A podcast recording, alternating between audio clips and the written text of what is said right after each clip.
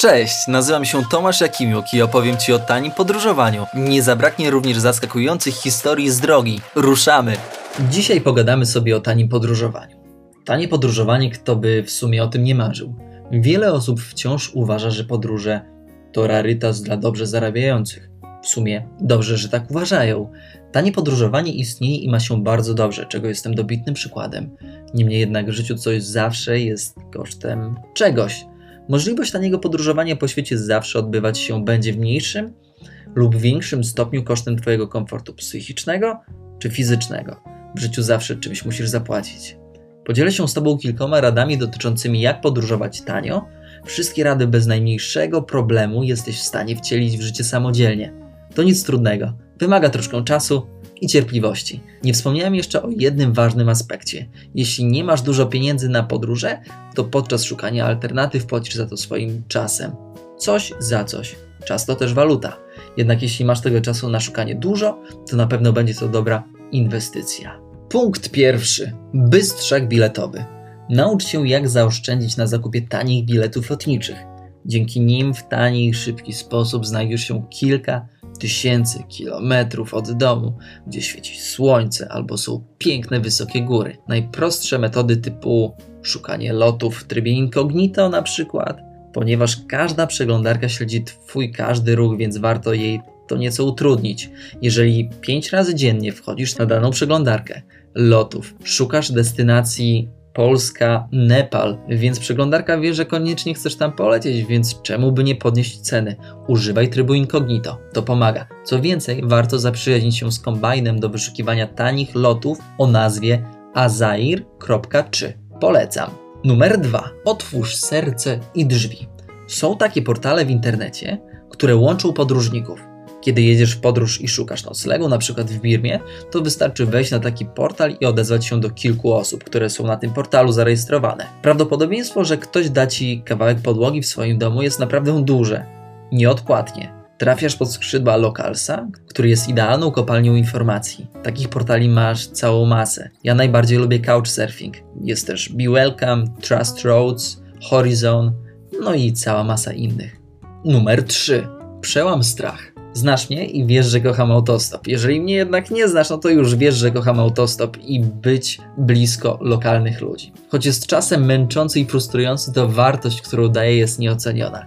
Jeśli lubisz poznawać nowych ludzi i ich nietypowe historie, to na bank ten sposób podróży jest właśnie dla Ciebie. Nie dość, że masz miło spędzony czas, to nie musisz też płacić za transport. W sumie płacisz za ten transport rozmową z tym kierowcą, prawda? Coś za coś, tak jak mówiłem. 4. Bądź dobrym researcherem. Podstawa to dobre rozpoznanie. Jak odwiedzasz miasto, to koniecznie przejrzyj, jakie są w nim muzea. Na przykład, przeważnie jednego dnia w tygodniu wejście jest za darmo do takiego muzeum. Dla przykładu w Atenach jest Muzeum Zabawek z różnych stron świata.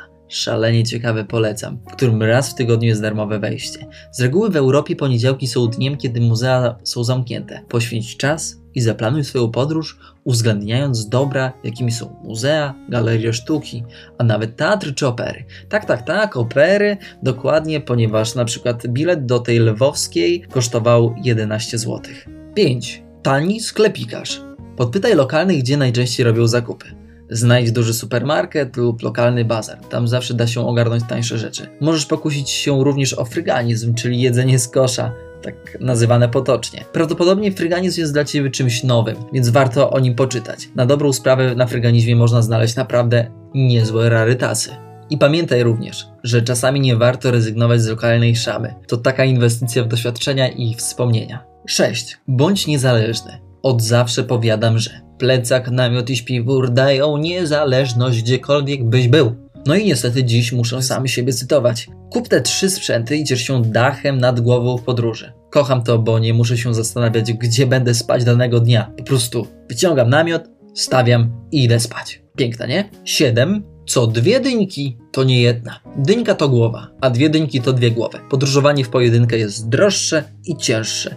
Nie da się tego podważyć. Jadąc w dwie osoby, nie musisz nieść całego namiotu na przykład.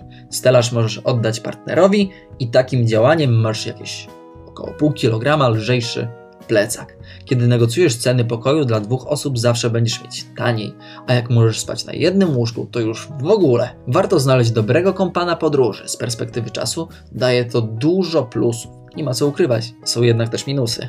8. My friend, my friend, you are student. Wykorzystaj to, bo masz do tego prawo, jeżeli jesteś studentem. Jeżeli jesteś studentem, to pamiętaj, że czekają na ciebie zniżki w całej Europie i dalej. Nie oczekuj ich na przykład gdzieś tam w Afryce, na przykład w Zambii, bo ciężko będzie. Jednak już w Czechach jak najbardziej. Co więcej, możesz liczyć również na tańsze ubezpieczenie na podróż. Więc warto skorzystać, po prostu. 9. Zostań na dłużej. Zostań wolontariuszem. Na portalu Workaway za 5 godzin pracy dziennie otrzymujesz nocleg i wyżywienie, a rzadziej jakieś kieszonkowe.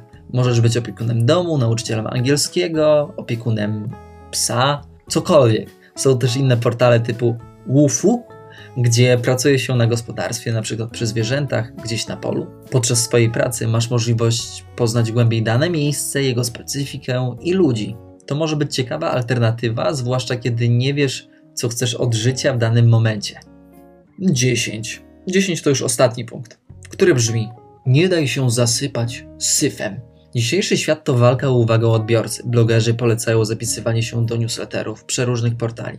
Ze zniżkami na loty, noclegi, atrakcje i takie tam. Jest to totalny bezsens. No chyba, że zależy Ci, żeby cała Twoja korespondencja bombardowała Cię różnymi promocjami. Kup, kup, zarezerwuj. Twoje życie zostanie zdominowane szukaniem.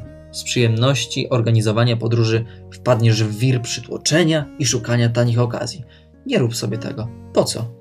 Jak już, wybierz jedno lub dwa źródła i śledź je. A najbardziej polecam Ci, byś był blisko blogerów podróżniczych, bądź blogera podróżniczego, takiego jak ja. Do nich zawsze możesz sobie napisać i się poradzić, na przykład ej stary, czy ten, czy ta firma, nie wiem, to ubezpieczenie jest spoko, może korzystałeś, jak było w tamtym miejscu. Oczywiście, nie? Proste? Proste. Niestety zbliżamy się już do końca. Jak widzisz, tanie podróżowanie jest możliwe, trzeba jednak nieco ruszyć głową, żeby ta cała machina miała sens i zaczęła działać. W podróżowaniu kocham to, że wymusza podejmowanie ciągłych decyzji. Zostajesz tu, albo jedziesz tam, kupujesz to, albo rezygnujesz z tego. Rozpoczynasz wolontariat i wiele innych nieprzewidzianych sytuacji. To wszystko niewątpliwie cię zahartuje, cię i mnie.